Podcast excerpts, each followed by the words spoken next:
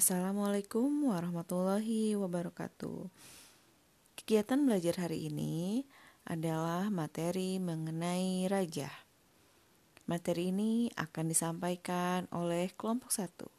Kepada kelompok satu, saya persilahkan.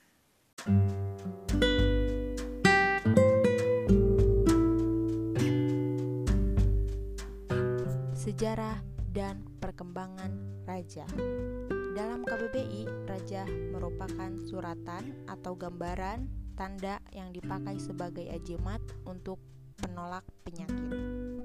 Raja juga termasuk dalam kategori atau varian dari mantra. Sedangkan mantra dalam Hasana Sastra Sunda berarti jenis puisi yang isinya semacam jambi-jambi atau kata-kata bermakna magis. Isinya dapat mengandung bujukan, kutukan, atau tantangan yang ditunjukkan kepada lawannya Untayan kata-kata yang tidak jelas maknanya bisa diucapkan oleh dukun atau pawang bila menghadapi sesuatu keperluan. Raja Sunda lebih dikenal dan erat kaitannya dengan seni pepantunan. Pantun dalam bahasa Sunda berarti balada atau balad yakni nyanyian atau syair berlagu yang bersifat epis. Hal ini tidak dipisahkan menjadi sendiri-sendiri antara raja dan pepantunan, justru menjadi salah satu kesatuan yang utuh. Dalam seni pepantunan, raja dibagi menjadi dua bagian, yaitu sebagai raja pembuka atau pembuka dan raja penutup atau pamuna. Memang kebanyakan pepantunan atau cerita pantun itu selalu diawali dan diakhiri dengan membaca raja. Jikalau dibandingkan zaman sekarang mungkin lebih tergolong sebagai doa pembuka dan doa penutup. Ada dua bentuk raja yang dikenal di masyarakat umum pada masa ini. Ada rajah yang berbentuk tulisan yang merupakan suatu varian dari mantra, ada pula yang berbentuk tulisan atau yang sering disebut sebagai ajimat yang terdapat pada sebuah benda, kain atau tato di luar Sunda dalam tubuh yang anggap bisa memberikan manfaat sebagai penolakan bala atau kejahatan. Dalam KBBI, ajimat adalah suatu barang tulisan yang dianggap mempunyai kesaktian dan dapat melindungi pemiliknya. Digunakan sebagai penangkal penyakit, obat, dan sebagainya. Namun, raja yang terdapat dalam tulisan di halayak masyarakat banyak sekarang ini bertuliskan dari huruf Arab. Entah bagaimana ceritanya, dari sebagaimana orang menyebut hal yang seperti ini juga disebut raja, hal ini dimungkinkan juga dari pengaruh Islam yang dimasuk di Tatar Sunda dan juga pengaruh kebudayaan lain sehingga pemahaman dan artinya pun menjadi meluas.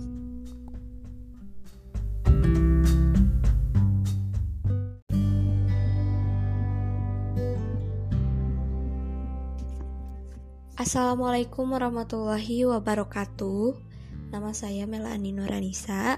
Saat ini saya akan menjelaskan tentang teks yang digunakan dalam pertunjukan raja dan juga struktur pertunjukannya.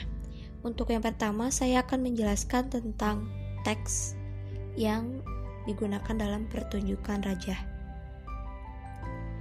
Amit ampun nun paralun kagusti nu maha suci neda pangjiad pangraksa para abdi-abdi seni sejak ngagutan titis waris nini aki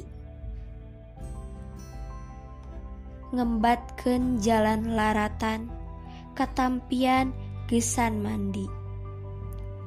Kalwi sifat tahunan Lewi anu ngaruncang diri-dirina Nusakiwari rek mulu lurung tujuh ngaliwat kapajajaran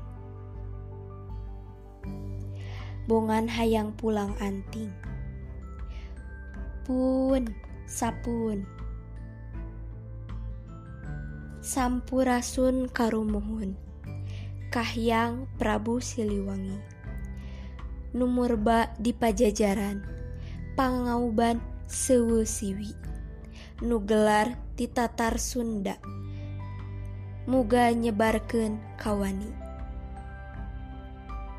Uh, Itu merupakan teks raja.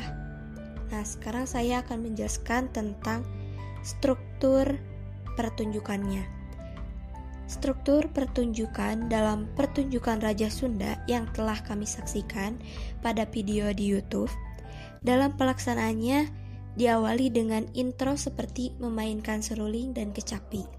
Lalu setelah itu mulai masuk pada lirik raja dengan diiringi dengan irama seruling dan kecapi. Lirik raja dinyanyikan sebanyak dua kali putaran. Kemudian diakhiri dengan iringan seruling dan kecapi. Hanya itu yang dapat saya sampaikan.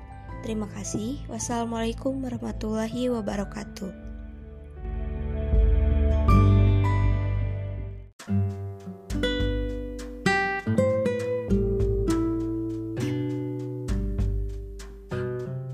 Assalamualaikum warahmatullahi wabarakatuh. Perkenalkan saya Siti Rani Ramadhani. Saya akan sedikit memaparkan mengenai nilai-nilai dan revitalisasi Raja Sunda Siliwangi. Di dalam Raja Sunda Siliwangi terdapat nilai-nilai yang terkandung di dalamnya. Yang pertama ada nilai agama yang selalu meminta perlindungan kepada Tuhan yang Maha Suci. Karena orang Sunda itu sangat mempercayai di setiap kegiatan ataupun yang lainnya, pasti Tuhan akan melindungi dirinya dengan selalu memohon dan beribadah. Kedua, ada nilai budaya. Di dalam Raja Sunda Siliwangi juga memiliki nilai budaya seperti Jangan menghilangkan kebiasaan di zaman dulu yang selalu meminta perlindungan kepada Tuhan yang Maha Suci. Hal ini oleh orang Sunda dijadikan kebiasaan dan selalu turun-menurun. Selanjutnya ada revitalisasi.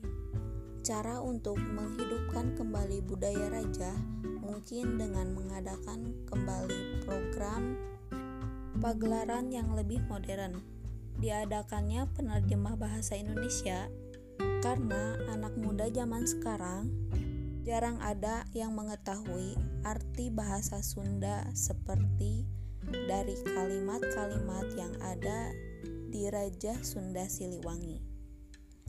Dan jika untuk anak SD ataupun SMP bisa membuat video dengan menggunakan gambar-gambar kartun yang menarik agar anak tersebut lebih tertarik untuk melihat dan mendengar.